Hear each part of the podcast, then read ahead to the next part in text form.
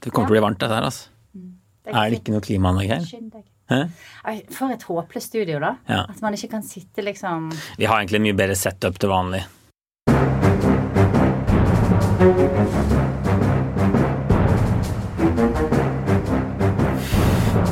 Da setter vi i gang med en sommerepisode, en sommerspesial får vi kalle det, av Aftenpodden USA. Kristina Pletten, du er her i Oslo, i Akersgata 55. Ja. Aftenpostens hovedkvarter, og det er jeg også. Vi er faktisk i studio sammen. Vi er det. Sommerlig antrukket i svart og burgunder. Ja. Ehm, det er mm, dritvarmt i dette studio, men ute er det regntungt og kaldt og deilig. Det er bare så utrolig behagelig når man kommer fra New York, hvor det er sånn 100% luftfuktighet og 35 grader nå. Det er, juli er min least favorite eh, måned i, i New York. Altså. Ja, den det kan konkurrere grusomt med- klissete, og, og det lukter. Og Ja, det lukter veldig vondt. Ja. Den kan konkurrere med januar, kanskje, det er sånn Ja. par minusgrader og storm i en måned.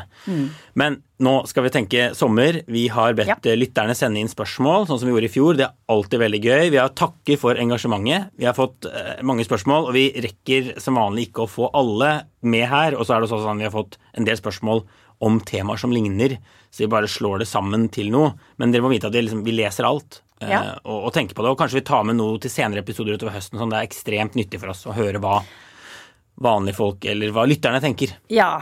Og så det kom til veldig mange kloke spørsmål, ikke så mange dumme spørsmål. Jeg hadde håpet jeg skulle få litt sånn Folk som lurte på noe sånn litt sånn basic og Så det trenger ikke være veldig høytravende. Nei. Verken eh, spørsmål eller forslag til tema eller hva det er. Det kan godt være litt sånn uh, av den folkelige sorten. Ja. Hvis du brenner inne med noe sånt. Absolutt. Men da, ok, la oss gå i gang med første spørsmål. da. Det kommer fra Mats, og han lurer på altså, kan det skje at det ene partiet i USA stiller en kandidat som er så ekstrem at majoriteten av velgere samler seg rundt det andre partiets kandidat? Han viser til at det f.eks. ikke skjedde med Hillary Clinton i 2016. Eh, Da var det jo veldig jevnt egentlig mellom Trump og, og, og Hillary, selv om Trump i manges øyne var ganske ekstrem. Og det skjedde jo egentlig heller ikke med Joe Biden. Etter fire år med Trump så ble det Altså, Biden vant, men det ble ikke sånn eh, 60 til Biden, 40 til Trump. Det ble egentlig, ja, som sagt, ganske tett. Men spørsmålet er liksom, kunne det skjedd nå, i dagens USA, at det blir et sånt stort gap mellom kandidatene? Jeg, jeg har tenkt mye på det spørsmålet, for jeg lurer jo veldig på da, hva er en ekstrem kandidat i dag? Altså Ja. hvor ekstrem må en kandidat være for at den andre skal vinne med liksom et valgskred? Og jeg har ikke noe godt svar på det. Mitt Romney gjorde det jo ganske dårlig mot Obama i andre perioden, da, men Mitt Romney var jo egentlig det motsatte av en ekstrem kandidat. Så kanskje det er det som er mitt litt kjedelige svar, da. At det er en sånn litt sånn gørr, bleik eh, Prototype republikaner Prototype, ja, eller prototype demokrat. er kanskje verre enn en ekstrem Ja, er det kandidat. som, eh, som kanskje kan gjøre det aller verst, da. Ja. Altså jeg tenker at det skal ekstremt mye til før i hvert fall noe sånt skjer i dagens USA. Mm. Hvis man går tilbake i tid, så var det jo noen presidenter som vant 60% av stemmene, f.eks. Men det har ikke skjedd, eh, jeg bare sjek sjekka kjapt nå, siden eh, Richard Nixon. Han klarte det. Eh, Ja. Lyndon Johnson klarte det, men vi skal ganske langt tilbake før noe sånt skjedde. Obama hadde vel 55% eller noe sånt, men han, vant, så han vant jo ganske klart noen ganger. Men, men jeg bare tror USA er så polarisert nå, og vi ser så mange de vil stemme på en parti, partiet sitt kandidat nesten uansett hvem det er. Det er kanskje litt sånn lærdommen fra Trump-årene òg. Når man ser på hvordan folk stemte, så ser det ut som de stilte med en helt vanlig kandidat. Når man ser på velgermønsteret, på en måte. Ja. Eh, Og så var det faktisk sånn, da, vi skal si det, i 2016 så fremsto Trump også moderat i en god del velgeres øyne. Det var noen målinger som viste at han var rangert som mer moderat enn noen presidentkandidat siden før eh, Reagan i velgernes øyne. Og de så på Hillary Clinton som mer ideologisk ekstrem enn Trump. Han var så på som en sånn, sånn moderat businessmann i en del, eh, var en del velgere som så på han og sånn. Og det endret seg utover i presidentperioden hans.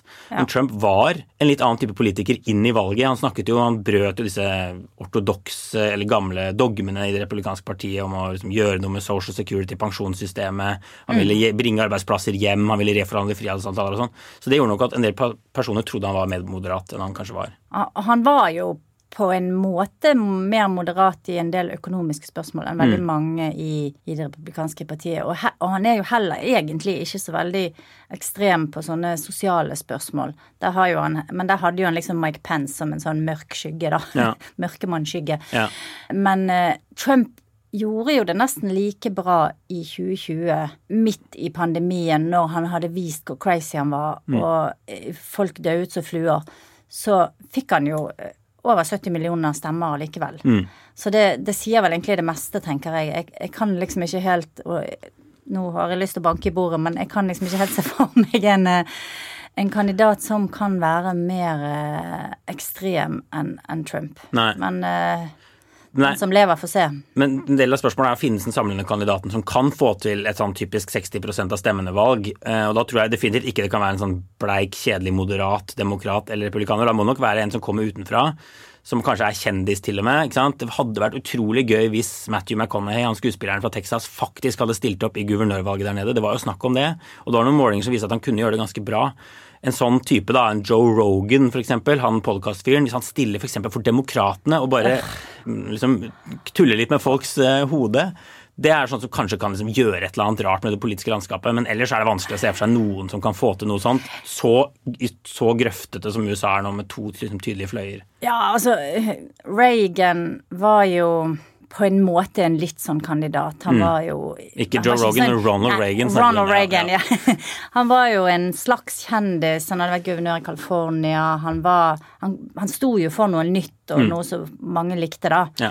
Og Carter var en, eh, var en vakle og ganske dårlig president. Mm. Men jeg tror òg det, det kommer liksom litt an på kontrasten med, med den du stiller opp mot. Mm. Men jeg kan jo se for meg i fremtiden at en sånn AOC-type kanskje, avhengig av hvordan landet utvikler seg, da, kan være en sånn som kan oppildne folk og, og klare å gjøre noe liksom ekstraordinært. Jeg tror det må være en kandidat som har en eller annen personlig egenskap Ja. og et grep om liksom sosiale medier og hele det der formidlingsaspektet av det, da, som er så viktig. Ja. eh, For at du skal få en sånn virkelig sånn eh, overbevisende knallseier. Ja. Jeg mener ikke AOC nødvendigvis sånn som hun er i dag, men altså med de, med de type egenskaper som hun har, da. Ja, enig. Og antageligvis må det være en god dose populisme. Man må gå til valg mot Washington, mot det etablerte Mm. Ja. der nede. Litt sånn som Trump gjorde. Det er alltid effektivt. Ja, og Obama gjorde før Trump, Ja ikke da, sant? Obama altså, jo, til betydelig grad gjorde det. Ja. nemlig. Du, vi får gå videre. Det er masse spørsmål. Vi har fått veldig mye spørsmål om abortdommen som kom fra Høyesterett nylig, Mm. og da og Høyesterett egentlig mer generelt. Så vi kan slå dette litt sånn sammen. Vi har laget en episode også som, som vi, vi gikk ganske dypt ned i alle disse dommene og hva det betyr. Vi har laget to, faktisk. Vi har laget en ekstra episode. Ja, nemlig. Men vi kan starte med Annes spørsmål. Altså, hun lurer på hva er de beste argumentene til abortmotstanderne, motstanderne altså, egentlig? F.eks. de som mener at fosteret til et barn som har blitt unnfanget gjennom en voldtekt av sin far, f.eks., at dette barnet må vokse opp, man må bære dette barnet frem øh, og føde det. Hun skriver at hun kan ikke tenke seg at disse menneskene synes incest, voldtekt og sånn norm, normavvikende sex er greit. Så, så hva, er, hva er greia med, med disse menneskene? Og jeg kan bare starte her, så jeg har møtt noen av de. Og det kommer litt an på hvem av abortmotstanderne du spør. De mest ekstreme, som jeg annet har møtt utenfor denne klinikken i Mississippi, som var helt sentralt i denne høyesterettssaken, de bare er helt overbevist om at livet starter ved unnfangelsen. Og da følger det en del ting av det. Altså, å, å fjerne et uh, nylig befruktet egg er det samme som å drepe et levende, voksent menneske, da, eller barn, eh, født barn. Det mener de. Jeg husker han ene jeg snakka med, han sier man dreper ikke barna til voldtektsmenn. Det gjelder da heller ikke magen. ikke sant? Folk som sitter i fengsel og har barn. voldtektsmenn, Man dreper ikke barna deres. Man dreper ikke folk fordi de er fattige. Heller ikke barn av fattige mødre i magen, som er et sånt argument og du har ikke råd til å ta deg av flere. ikke sant? Så De er bare helt sånn fundamentalistisk overbevist om at dette er liv. Ja. ja. Og da betyr det på en måte ikke noe hvordan barna er unnfanget. Nei. Fordi at det handler jo i veldig stor grad om religiøsitet. Det handler om Guds skaperverk. Mm. Ja, det er svært Eh, Og det er veldig tett knyttet opp til, eh, til den religionen eh, folk, folk har, enten det nå er katolikker eller evangeliske kristne eller andre typer ortodokse religioner, da. Mm. Og så har du jo en annen gjeng som er opptatt av å innskrenke det i veldig stor grad, men som vil ha en del unntak, og det tror jeg er en ganske stor eh, gruppe. Altså Noen som vil bare ha unntak for mors helse, voldtekt, incest. Og så har du noen som sier ok, litt mer sånn som Norge, det er greit til Seks uker, ti uker, tolv uker. tolv Mm. Ja. uker, og så må vi liksom og så må det være bare i helt sånn ekstreme tilfeller. Mm. Og da har man jo kanskje et litt annet syn på eh, hva det vil si å være eh, en person. Ikke sant? Når blir eh, det befruktede egget til en person? Og så tror jeg det er litt sånn pragmatisme inni det også for folk. ikke sant? En del eh, religiøse mennesker mener at de personlig syns at det er galt, Ja. men at de ikke har rett til å bestemme, ta den avgjørelsen for andre. Nei. Eh, Og Joe Biden er faktisk en sånn person. Ja. Han er katolsk. Ja. Han er, eh, syns selv Han er selv eh, personlig motstander av abort, men han mener at alle skal ha rett til å, til å gjøre det, eller velge selv. Ja. Så den, den andre gruppa er jo mye større, og de mener at f.eks. de vil jo da ofte henlede oppmerksomheten vekk fra disse mer ekstreme lovene og si se på stater hvor demokratene styrer, altfor liberale abortlover. De syns f.eks. abort frem til uke 22, da, som jo er liksom vært gjeldende regelverket i USA, de synes det er for liberalt. Man skal ikke abortere barn i uke 22 eller senere, som jo det går an i en del stater. Det er jo unntak og visse regler og sånn, men det er jo vesentlig mer liberalt enn veldig veldig mange land i Europa. Så de leder oppmerksomheten dit, og de mener det i hvert fall er for sent. Så det er nok noen som også tenkte at Roe-regelverket, som har vært gjeldende nå siden 73, har vært for liberalt. Ja, og det da er en litt sånn ubehagelig diskusjon, og en veldig vanskelig diskusjon å ta, fordi at eh, det er så sterke følelser på begge sider. Og det har jo vært litt sånn tilløp til samme debatt i Norge, for man vil fjerne denne her eh, denne Nemnden, kontroll- ja. Ja takk, eh, som kommer inn etter tolv uker, da. Og så mener man at kvinnen selv må få ta den avgjørelsen alene. Så sier noen ja, men hva hvis kvinnen er under press, eller hva hvis hun ikke er i stand til å ta den avgjørelsen? Eh, og hva med eh, fosteret sine rettigheter? Og det er ikke så enkelt, tenker jeg egentlig. Det er en, eh, en komplisert problemstilling. Og abort Tilhengerne eller tilhengerne av selvbestemt abort, skal vi kalle de, de er veldig sånn kategoriske. De avviser all, all diskusjon. Sant? De sier kvinner, kvinner tar ikke abort i tredje trimester hvis ikke de absolutt må, hvis ikke det er helt nødvendig. Og det er egentlig ikke noe godt argument, tenker jeg da.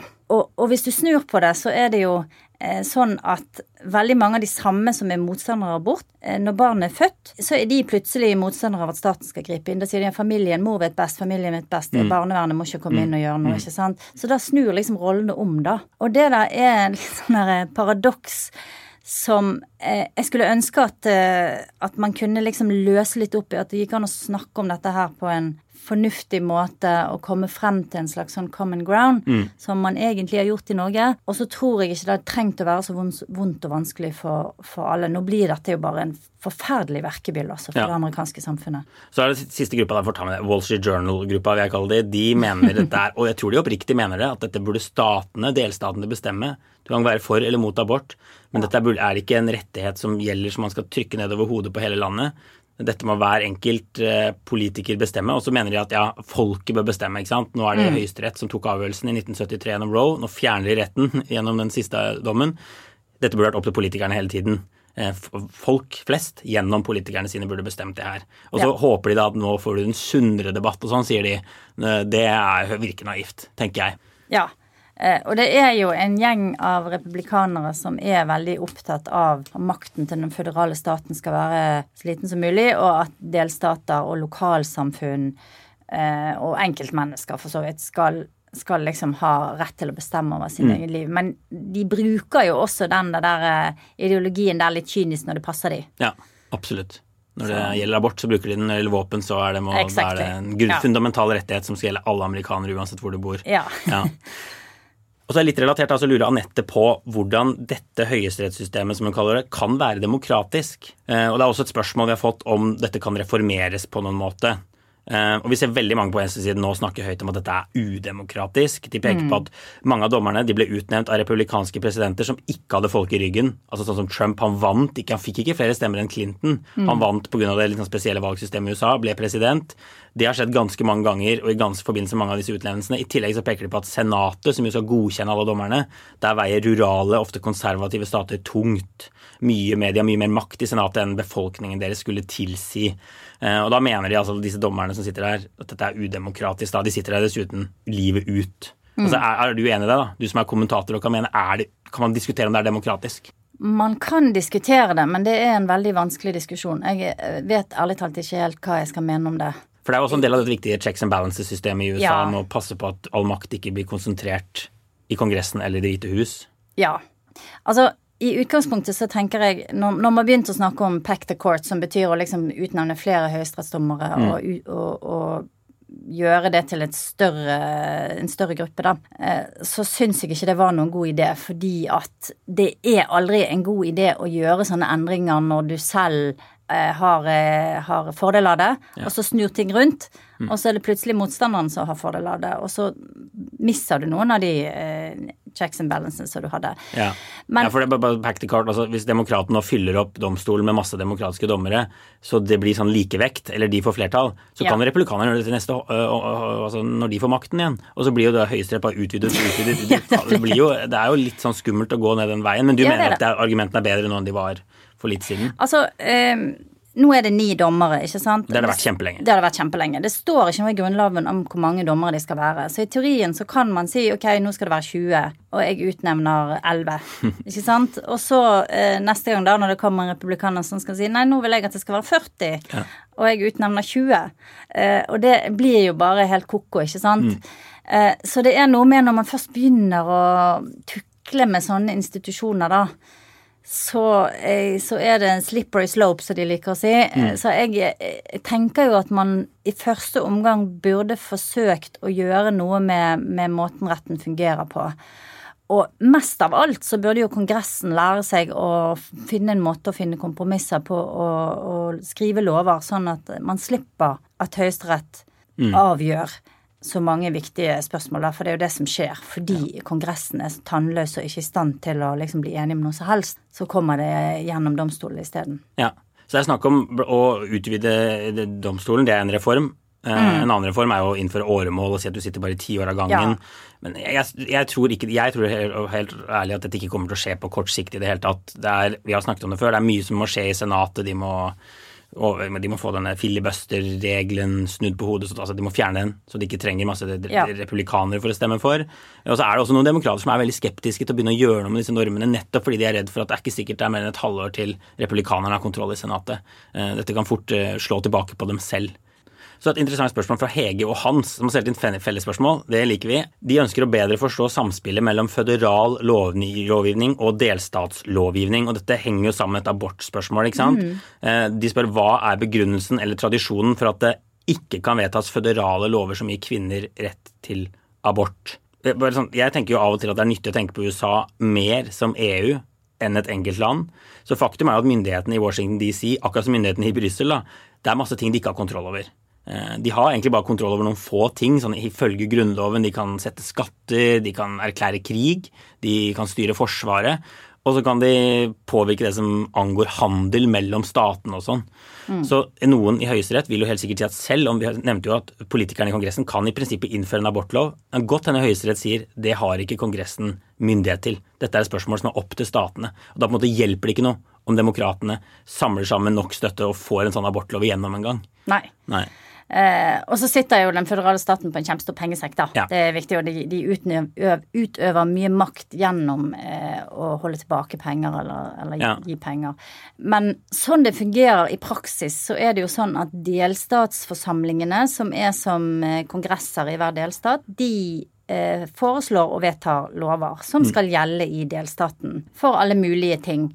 Og så kan da noen utfordre den loven, si eh, den loven som er vedtatt her i Mississippi f.eks., den er ikke i tråd med Grunnloven. Grunnloven skal gjelde for alle delstatene. Og så vil da Høyesterett vurdere om eh, en lov i en delstat er i strid med liksom prinsippet for uh, The United States of America, som Ja. er Grunnloven. Så sånn fungerer det forholdet i praksis. Og hvis Høyesterett sier den loven dere har bestemt i Mississippi, den er ikke i tråd med Grunnloven, så er den ugyldig. Ja. Men det har vært motsatt noen ganger òg. Obamacare, Obamas helsereform. Da var det en debatt om dette er en, en reform de egentlig kan tvinge på staten. Og Da gikk det bl.a. på en sånn har delstater rettighet til å regulere dette selv, mm. eller er det noe føderale myndigheter kan regulere? Innføre en felles forsikringsordning for hele USA. Ja. Og jeg ser også, dette er blant annet, Man kan bl.a. bruke det, der, det som heter commerce clause, som angår det med at føderale myndigheter kan regulere handel mellom statene. Ja. Og når det nå snakkes om abortlov, så er det snakk om at de må prøve å skrive den på en måte som gjør at den dekkes inn av handel mellom statene. De må av og til gjøre sånne rare tilpasninger. Mm. Det er også snakk om hvis de skal forby abort i hele USA, sånn som noen republikanere drømmer om, så kan de prøve å bruke den derre commerce clause til å gjøre det på et eller annet måte da, med abortforhandlere som reiser over grenser og sånn. Mm. Så de prøver å trikse det til når ja. de skriver sånne lover for å liksom dekke det inn med det som er lov etter Grunnloven. Jeg tenker at Trikse det til er et veldig ja. godt uttrykk. For det veldig mye av det som skjer i amerikanske domstoler, handler jo om sånn triksing og miksing med, med lover og, og, og, prøve å vri og vende på eh, argumenter, da. Og, og, tilpasse det forskjellige lover og paragrafer som kanskje er helt urelatert, egentlig. Mm. For eksempel eh, en av de viktigste dommene om eh, homofilt ekteskap handlet jo om arv, hvis jeg husker rett. Mm.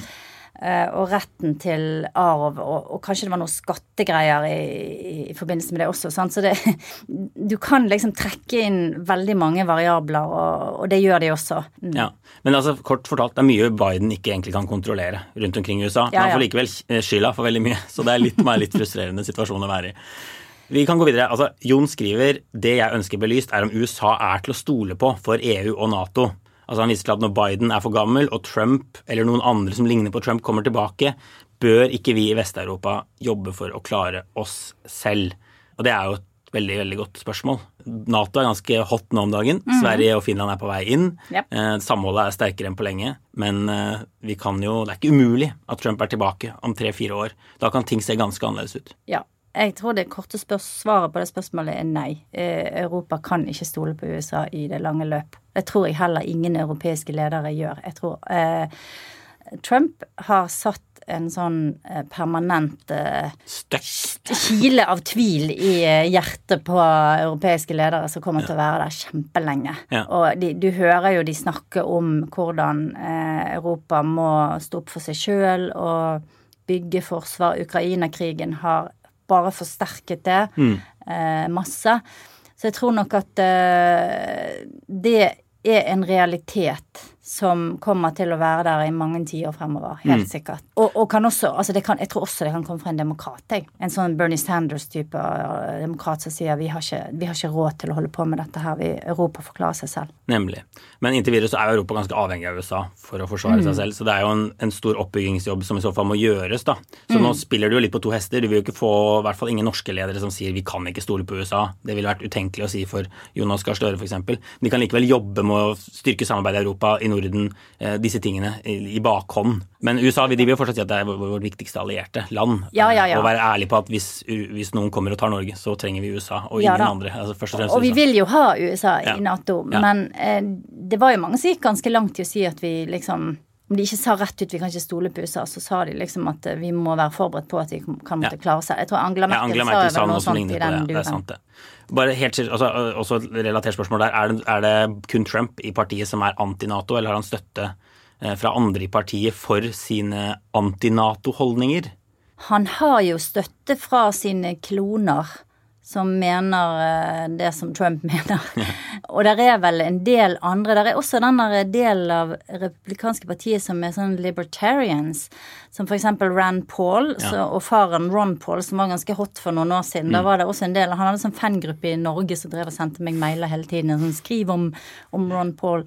Eh, de er også sånn som mener at USA ikke skal blande seg opp i internasjonale, altså i andre land sine affærer, og at mm. USA skal klare seg selv, og at, skal, eh, at, de ikke skal drive sånn og holde på med kriging og militær aktivitet rundt om i verden. Så det er en, eh, og det er egentlig en, en helt sånn separat gruppe innen det republikanske partiet fra trumpistene. Mm. Men ja. de ligger også der når det gjelder Nato. Så meningsmålingene viser altså, solid Nato-støtte i USA. Jeg tror det er det sånn, Siste Pew-målingen jeg så var sånn over 50% som mm. støtter Nato, og så er det sånn 25% som er imot. Så det er, det er ganske, ganske solid. I Kongressen nå blant etablerte republikanere så er støtten til Nato ganske stor. I Senatet kan du få sånn 90 av 100 senatorer som stemmer for sånn støtte til Nato-greier. Men det er definitivt liksom folk i det partiet, i det republikanske partiet som er imot. Også Margie Taylor Green, da, for å ta et ekstremt eksempel, skrev på to dager siden eller noe, vi må ut av Nato på, ja. på Twitter. Så de stemmene finnes der. Jeg tror Donald Trump jr. har vært kritisk til Ukraina-krigen, skeptisk til Nato. Så det er definitivt sånne strømninger. Og så har du Trump selv, som åpenbart et eller annet sted dypt nedi den mannen har en eller annen grunnleggende mistillit til Nato, som Stoltenberg klarte å ja, få, få dyssa ned da, ved å skryte av hvor mye Trump fikk til for å på en måte, få fellesskap, hvor mye penger han greide å samle inn og sånn. Ja. Men, eh, men det, er, det, ligger noe ulmer der. Det ligger noe ulmer der. Og så tror jeg det er også en del eh, republikanere, kanskje demokrater, som vil ha Nato, vil bli værende i Nato, men vil at Nato skal bli noe annet. At det skal bli en eh, mer sånn aggressiv allianse som eh, vender seg mer mot Kina og, og, mm. og, ser på andre trusler, og ikke bare har liksom forholdet til Russland og forsvaret av Europa som eneste eh, grunn til å eksistere. Ja. Så har Kaja et mer sånn personlig spørsmål, som kanskje ja. er litt lettere for oss å svare på. Vi slipper mm. å tenke så mye. Eh, vet mer som er på et slags jobbintervju. Hun lurer på hva slags utdanning vi har, og om, altså, om vi har noe i tillegg til journalistutdanning, og hvordan var veien til å bli korrespondenter. Jeg er korrespondent nå, du var det USA-korrespondent før meg. Mm. Så dette er jo høyst relevante spørsmål til begge. Har du noe utdanning? Jeg vet faktisk ikke hva slags utdanning du har. Er det sant? Jeg har litt rar utdanning. Eh, ikke veldig rar, men jeg, jeg, jeg uh, har eh, en grad fra Universitetet i Bergen i litteraturvitenskap, ja. faktisk. Av alle ting. så jeg begynte på et sånn, sånn, humanistisk studium og studerte litteratur. Og, og så dro jeg til New York og tok master i journalistikk der. Ja, nemlig. Ja. Så du har journalist, journalistutdanning, relevant journalistutdanning. Hjalp den deg for å få jobb? Hvordan var veien derfra til korrespondent, på en måte? Det var en ganske lang og kronglete vei. Jeg, eh, etter jeg var ferdig i, i, i, New York, så ble jeg redaktør for en liten avis. En norsk avis som den gangen fortsatt eksisterte, som het Norway Times. Ja. Eh, og det var veldig gøy. Det var en sånn avis som ble grunnlagt av norske emigranter i 1891, tror jeg det var. Som var liksom allerede da sånn over 100 år gammel. Ja og hadde lesere over hele USA. Så jeg ble liksom veldig godt kjent med det norske Amerika. Veldig god trening som journalist, for du gjorde alt fra å skrive sånne rare saker om Leif Eriksen Day i Minnesota til å være i Pentagon og FN og liksom møte norske statsministeren og sånn. Så det mm. var veldig god trening for meg. Og så eh, har jeg jobb, gjort forskjellige jobber. Jeg har vært i Bergens Tidende lenge og vært magasinleder der. Og kom til Aftenposten i 2015-16. Nå husker jeg ikke helt. Tror det var mm. rundt om da. Og da jobbet jeg som utenriksjournalist. Eh, sammen med deg. Ja, ja, ja, det er sant det. Eh, da du var i Brussel. Ja. Og så ble jeg korrespondent etter det. Ja. Så det var en ganske lang erfaring eh, med mye utenriksjournalistikk før jeg eh, ble korrespondent. Det er, det er veldig gøy, men veldig, veldig, veldig mye arbeid. Mye arbeid. Jeg har en ganske sånn annen vei, egentlig. Mm. Jeg var på en måte journalist før jeg begynte å ta utdanning. Så jeg var sånn sportsjournalist i min lokalavis, Drammens Tidende. Skrev om alt mulig rart som ikke de faste ville skrive om. Mm. Så det var alt unntatt Strømsgodset og, og håndball jeg skrev om. Så det var veldig gøy, men det, sånn, det var en veldig bra måte å få journalistisk erfaring på. Sånn mm. mengdetrening. Og skrive opp mot deadline, og veldig mye sport foregår på kvelden og sånn. Eh, og så begynte jeg å studere økonomi, da. Jeg tenkte at jeg kan allerede en del journalistikk, og jeg har lyst til også å ha et fag ved siden av. Så jeg studerte en økonomi på NHH i Bergen. Mm. Og så tok jeg en mastergrad i politikk og økonomi på London School of Economics i London. Eh, og så fikk jeg da jobb som økonomijournalist i Aftenposten ja. etter det. Og da hadde jeg jobbet litt som journalist ved siden av studien i Bergen, med økonomi i Bergens Tidende, da du var der, ja, blant annet. Ja, for ja. fun fact er at jeg husker jo Øystein som ung og lovende, ja. holdt på å si aspirant i BT. Ja. ja. Det er lenge siden nå. Det er lenge siden. Men ja, så jeg fikk faktisk jobb i Aftenposten som økonomijournalist, og så søkte jeg på Brussel-jobben, og så var jeg der noen år, og så fikk jeg USA-jobben etter det, egentlig. I korte trekk. Så man må ikke Det er jo mange eksempler på at man ikke må ha journalistutdanning. Men det ja. kan være en fin vei inn gjennom pra, pra, altså, å være praktikant og så, den type ting. Men man kan også, også, prøve å begynne å jobbe som journalist ved siden av og så studere noe annet. Ja, altså eh det som vi har felles her, er at vi har jobbet for en mindre avis, ikke sant, der mm. du får denne mengdetreningen, som du sier. Og det er helt utrolig nyttig. Det er mm. ingenting som kan lære deg å bli journalist så bra Nei. som å jobbe i en lokalavis eller et eller annet sted der du virkelig får liksom eh, blir bare liksom dyttet ut på dypt vann og må klare deg sjøl. Det er kjempe Så hvis du, hvis du bor på et lite sted og har en lokalavis, så er det veldig mange av de som har bruk for hjelp. Kanskje ikke alltid, sant, og kanskje ikke det er så godt betalt, men du kan få eh, god trening der. Ja. Det er veldig, prøve deg. Og det, det er vel, faktisk veldig mange som ikke vet det at uh, avisene tar også inn folk uh, og lar de få prøve seg på vakt og i, ja, Mm. Ja. som vikarer og Så det er liksom bare å være litt frempå og ta kontakt. Ja, det er veldig godt tips. As a person with a very deep voice, I'm hired all the time for advertising campaigns. But a deep voice doesn't sell B2B, and advertising on the wrong platform doesn't sell B2B either. That's why if you're a B2B marketer, you should use LinkedIn ads. LinkedIn has the targeting capabilities to help you reach the world's largest professional audience.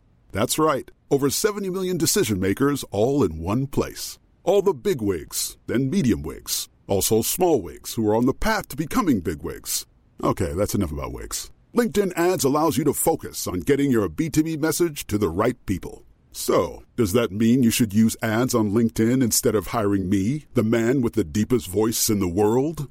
Yes. Yes, it does. Get started today and see why LinkedIn is the place to be to be. We'll even give you a $100 credit on your next campaign. Go to linkedin.com slash results to claim your credit. That's linkedin.com slash results. Terms and conditions apply. Hey, I'm Ryan Reynolds. Recently, I asked Mint Mobile's legal team if big wireless companies are allowed to raise prices due to inflation. They said yes. And then when I asked if raising prices technically violates those onerous two year contracts, they said, What the f are you talking about, you insane Hollywood ass? So to recap, we're cutting the price of Mint Unlimited from $30 a month to just $15 a month. Give it a try at mintmobile.com slash switch. $45 upfront for three months plus taxes and fees. Promo for new customers for limited time. Unlimited more than 40 gigabytes per month. Slows. Full terms at mintmobile.com. Hans lurer på, Vi har allerede snakket ganske mye i dette halvåret om potensielle utfordrere til Trump blant republikanerne. Eh, Men han lurer på liksom, om det finnes noen tunge, gode kandidater på, på demokratisk side da, som seiler opp som fremtidige presidentkandidater. For Vi har jo snakket en del om Ron DeSantis, altså han guvernøren i Florida, som på en måte ses på som et ganske godt vinnerkort. Han er mye, mye frempå. Han har litt avstand til Trump, men kan føre Trump-arven videre. Han gjør det ganske godt på meningsmålingene og sånn. Og den personen tenker jeg da burde jo vært Kamala Harris. ikke sant? Hun burde. burde vært Ron DeSantis blant demokratene. Det åpenbare kortet som alle egentlig bare gleder seg til at skal komme og ta over. Og noen vil jo ha liksom, Ron DeSantis nå istedenfor Trump, for de mener han er bedre enn Trump. Men de mangler jo det, demokratene. Det er jo ingen tvil om at de mangler en, en Ron DeSantis. Jeg leste en sak om at, eh, i Politico, tror jeg, om at Camilla Kamala Harris sitt team da håper at abortsaken skal gi henne en sånn restart, og hun Ja. er veldig frempå nå og, og vil gjerne fronte den, da. Og- ja. Ja. Så hun er vel ikke sånn helt eh, ferdig ennå, men jeg tror det skal ganske mye til for at hun klarer å på en måte fylle de forventningene folk hadde til henne fra Mm. før, da. Eh, til det har det vært litt for mye feilskjær og litt for dårlig organisert, tror jeg, Ja. eh, visepresidentgjerning. Demokratene har vel egentlig Det er nå du skal si Hillary Clinton. Nei. altså, demokratene har vel sine mest håpefulle blant guvernørene, Ja. tror jeg, da. Eh, Sist gang var det mange av senatorene som prøvde seg, og det var ingen av de som liksom klarte å nå 2% engang, tror jeg. Um, så jeg tenker at uh, Gretchen Whitmer i Michigan, kanskje, guvernør for en stor stat, eh, relativt moderat demokrat, er, har i hvert fall vært et spennende navn, og var jo litt sånn i, i, på papiret for Biden en, en mulig visepresident. Ja, Hun skrev altså opp på min liste, så på Ja. toppen nå. Eh, Ja. Altså hun, er jo på, hun skal jo på valg nå i mellomvalget. Og Mm. det er klart, I et år hvor republikanerne kommer til å gjøre det godt, det er mye motvind. Hvis hun klarer å vinne nå igjen Ja. er, Jeg tror dette mellomvalget kan gi noen litt sånn medvind og fart av de rundt omkring Ja, i statene. Så vi vet nok mye mer liksom 10. november. Ja. Så klart Hvis Gretchen Whitmer har vunnet gjenvalg da, i et, i et kjempevanskelig år, og sittet ganske lenge i Michigan, så er ja, ja, hun kan, bli ganske Var hot på, var hun på din, toppen av din liste òg? Ja. Ja, så vittig. de. Dette har vi ikke koordinert. Nei, det har vi ikke koordinert. Nei. Men jeg tror bare at mellomvalget kan bety ganske mye. da. Og Du har en sånn senator som han Raphael Warnock i Mm. Georgia, som er en pastor som også har liksom fått ganske sånn bra nasjonal profil, som også har et kjempevanskelig mellomvalg nå. Han må bli gjenvalgt til Senatet. eh, og Det skjer allerede nå i november. Men hvis han klarer det, så har han vist at han kan vinne i en vippestat to ganger, han også. Så han kan også være sånn navn som kan bli ganske hot. Han er en svart mann, og, og, og han er til og med han har litt av det konservative ved seg. og sånn. Det er bare Interessant navn. Ja, Raphael Warnock. Du tror ikke noe tro på det selv? Nei, jeg har ikke tro på det, for han har helt elendig motstander. Som er en sånn der gammel fotballspiller eller noe sånt. Som, Herschel Walker? Ja, men jeg kan han- Herschel Walker kan fort i vekk masse vinne, altså. Og Ja, ja. er helt uh, håpløs. Ja. Så hvis ikke han klarer å slå han, altså det Hvis han taper, så er han ute, men, men hvis han vinner, who knows? Nei, eh, jeg tenker Whitmer er av alle er- Og det er, hun er ikke liksom noe sånn helt åpenbar kandidat, hun heller, men, eh, men av de på min liste så Og så har vi jo Buttigieg, da, men han prøvde seg jo sist og Altså, han gjorde jo Liksom bedre sist enn. Kamala Harris. Eh, Ja. Han var jo faktisk litt sånn at han ting kan ha gått litt annerledes, men han sleit jo ekstremt med svarte velgere og, og den type ting, da. Ja. Som er, virker som fortsatt er et stort stort problem for han minoritetsvelgere. Han mot Kamala Harris, da kan nok hende Harris vinner eh, primærvalget blant demokratene på minoritetsstemmer og sånn. Selv om hun heller ikke fikk noen minoritetsstemmer sist. Nei, hun Men, eh, slet veldig med det. Hun, jeg var jo nede i South Carolina og snakket med svarte velgere, og de var ikke begeistret for hun i det hele tatt. Nei. Nei. Så um, Nei, dette er Da nødt. står Det igjen med Michelle Obama. spørsmål. Vi står igjen med Michelle Obama. Rett og slett. Rett og slett. Men hun vil ikke. Hun hadde vunnet, tror jeg, men hun vil ikke. Ok. Uh, Ja, du sier så. jeg, jeg tar tro på Michelle. Ok, Vi nærmer oss slutten. Vi får ta et spørsmål fra Kristin, som lurer på Dette er et interessant spørsmål. Jeg føler at vi har fått det før også, uten å svare på det, for det er litt komplisert. Hvordan, altså Hva slags utdanningssystem USA har, hvordan det fungerer, hvilke standarder har de. Og Hun viser bl.a. til at da politiet ikke sant, kun har noen måneders kurs i noen stater. Det, står det noe bedre til i utdanningssystemet? Utdanning for å si, er jo en sånn de, eh, område som ligger, er veldig mye opp til delstater, og enda mer lokale myndigheter å bestemme reglene på. Ja, det er nesten bare opp til delstater, og så har du sånne lokale school boards. Og um, Ralph Reed, som var en sånn konservativ fyrtårn på 90-tallet, han sa en gang at jeg vil heller ha 1000 personer på school boards enn én president. Ja. Så han mente at det var liksom de aller viktigste posisjonene i det amerikanske samfunnet. Da, og de Ja. blir jo valgt inn ikke sant, på Ja. i disse skolestyrene. Republikanerne har egentlig som en del av sin kulturkrig hele skolesystemet. De vil legge ned, mange republikanere vil legge ned hele Utdanningsdepartementet. Mener at det ikke bør eksistere i det hele tatt. Og de, de er også imot at delstater skal ha sånne der eh, felles krav til hvordan utdanning skal Altså hva du må lære, da. Felles læreplan heter det. Eh, Det har vært masse krangel om f.eks. vitenskapsundervisning. I noen delstater så vil konservative kristne at eh, man skal undervise om evolusjon som en teori, og si at dette her er bare én av flere teorier om hvordan mennesket blir til. Og alt dette her eh, er et vepsebol av en tematikk. Eh, men det er organisert sånn at delstaten eh, har kontroll over skolevesenet. Og så har du eh, Utdanningsdepartementet som også har litt kontroll gjennom at de gir penger til forskjellige delstater, og til f.eks. barn i fattige områder, eller skoler i fattige områder kan få støtte av, av den føderale staten. Men da må de oppfylle visse kriterier, ikke sant. De kan sette sånne benchmarks for eh, undervisning og, og sånne ting. Eh, men her har jo også Høyesterett vært inne med Ja. en dom, ikke sant, som, som blander seg litt inn i det der. Så det er superkomplisert. Men eh, summa summarum, da, så er det delstatene som er liksom sjefen her. Eh, og det er også sånn at du f.eks. skal bli sykepleier, så kan du være licensed nurse i én delstat, men ikke i en annen. Så Ja. må du kanskje, hvis du flytter, så må du kanskje ta et ekstra kurs eller noe etterutdanning, eller tilpasse Ja. utdanningen ditt. Litt sånn som i EU igjen, eh, noen, på Ja. noen områder. Så det er, ja, det er av og til en veldig bra, bra sammenligning. Eh, Siste spørsmål, da. Vi hadde jo Torbjørn Røe Isaksen på for noen uker siden og snakket Mm. om økonomi, inflasjon og sånn. Eh, Halvor, det er jo egentlig litt forlengelse av det, lurer på hvorfor ingen president har greid å redusere amerikansk statsgjeld, enten man måler relativt til bruttonasjonalprodukt eller bare i rene dollar terms, siden Bill Clinton var president. Og hvorfor Trump fikk så mye ros for å styre økonomien godt når skattekuttene hans skjedde ved å øke gjelden. Det er jeg som har skrevet om det siste spørsmålet litt, men, men, det, men det er det, det som skjedde. Mm. Jeg tenker bare Det korte svaret er at velgerne bryr seg mye mindre om statsgjeld enn det man kanskje har trodd før. At de lever fint med det. på en måte. De vil heller ha skattekutt enn reduksjoner i statsgjelden hvis de kan må ta opp gjeld for å betale for de skattekuttene. Og så har rentene vært ekstremt lave veldig lenge fram til nå. Inflasjon har ikke vært noe stort problem. Fremstått som nesten Ja. eh, en sånn forsvinnende liten ting. Og det har gjort at statsgjelden har vært relativt enkel å betjene. da. Det har nesten vært gratis, eller har vært gratis, å låne penger for en god del stater. Ja, og så er det kanskje noe som er liksom veldig fjernt fra folk sin økonomi, da, og hverdag, ikke sant? Hvis man snakker om liksom eh, statsobligasjoner og statsgjeld, så tror jeg det er liksom mange som zoom out, liksom. De, Ja. de, de forstår ikke helt hva det, hva det går i. Det er vanskelig. Og hvis man da ser at ja, men økonomien går jo bra, jeg har det bra, alle vennene mine har det bra, i, min, eh, i mitt lokalsamfunn så går det så det suser. Hvorfor er det da et problem, ikke sant? Ja. Og det har jo vært veldig mye av, av retorikken under Trump. Fra alle kanter. Altså både fra økonomer som støtter Trump, fra folk vi har møtt ute som sier sånn ja, men det går jo fint. Økonomien Ja. er jo kjempebra, se på børsene, bla, bla, bla. Um, hvorfor skal vi bry oss om, uh, om statsgjelden?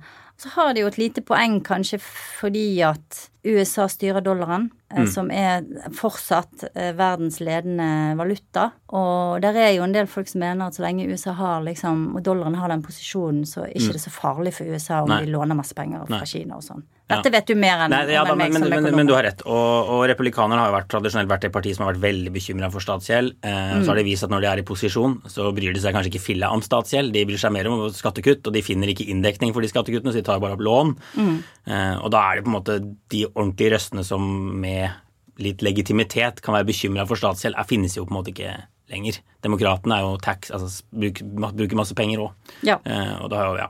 Og venstresiden har jo festet grep, og, så det er bare ja, det er noe folk ikke bryr seg så mye om, før de eventuelt går på en stor smell da rentene Ja. stiger masse, og de må bruke veldig mye penger på å betjene, betjene statsgjelden sin. Ja. Så jeg tror det er bare sånn det er politikkens vesen.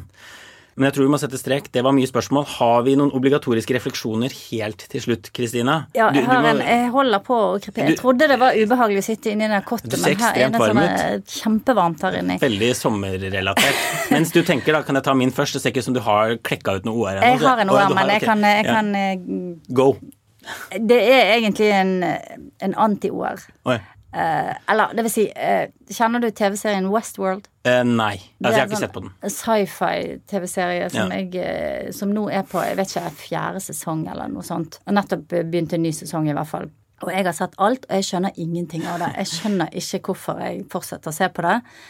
Eh, Jeg skjønte første sesongen noenlunde, da. Men eh, så har det liksom bare blitt mer og mer komplisert. Men det er et eller annet fascinerende med det. Men det er bare blitt helt ubegripelig. Altså, det er en sånn storyline, og den, den liksom eh, går over flere lag med tid, og det er roboter, og det er Ja. Nei. Så hvis Så- noen eh, har Hvis noen skjønner det, så kan de gjerne så kan jeg gjerne skrive inn i Facebook-gruppen og forklare meg hva det går i.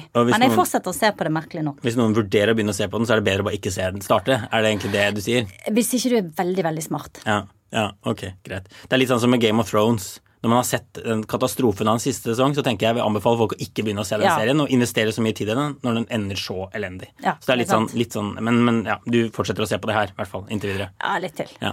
Du, min OR, jeg vil bare kort anbefale 538 sin modell, altså sin eh, regnemodell for kongressvalget til høsten, Mm. som nå er launchet. Dette er jo en modell for presidentvalget som veldig mange nordmenn sitter og trykker refresh på hver, hver dag eh, de siste månedene. Hver time, egentlig. Så den viser, ikke så overraskende, at eh, sannsynligheten er stor for at demokratene mister makten i Kongressen. Basert, den baserer seg da på meningsmålinger, også sånn hvordan det går med økonomien til USA, historiske trender, hvor mye penger de samler inn De og sånn putter alle disse tallene inn i en det inn i en modell, og eh, så spytter den ut en prosent Ja. for hvor, hvor mye sannsynlig, hvor mange seter demokratene og republikanerne kommer til å få og sånn, Ja. f.eks. i Representantenes hus.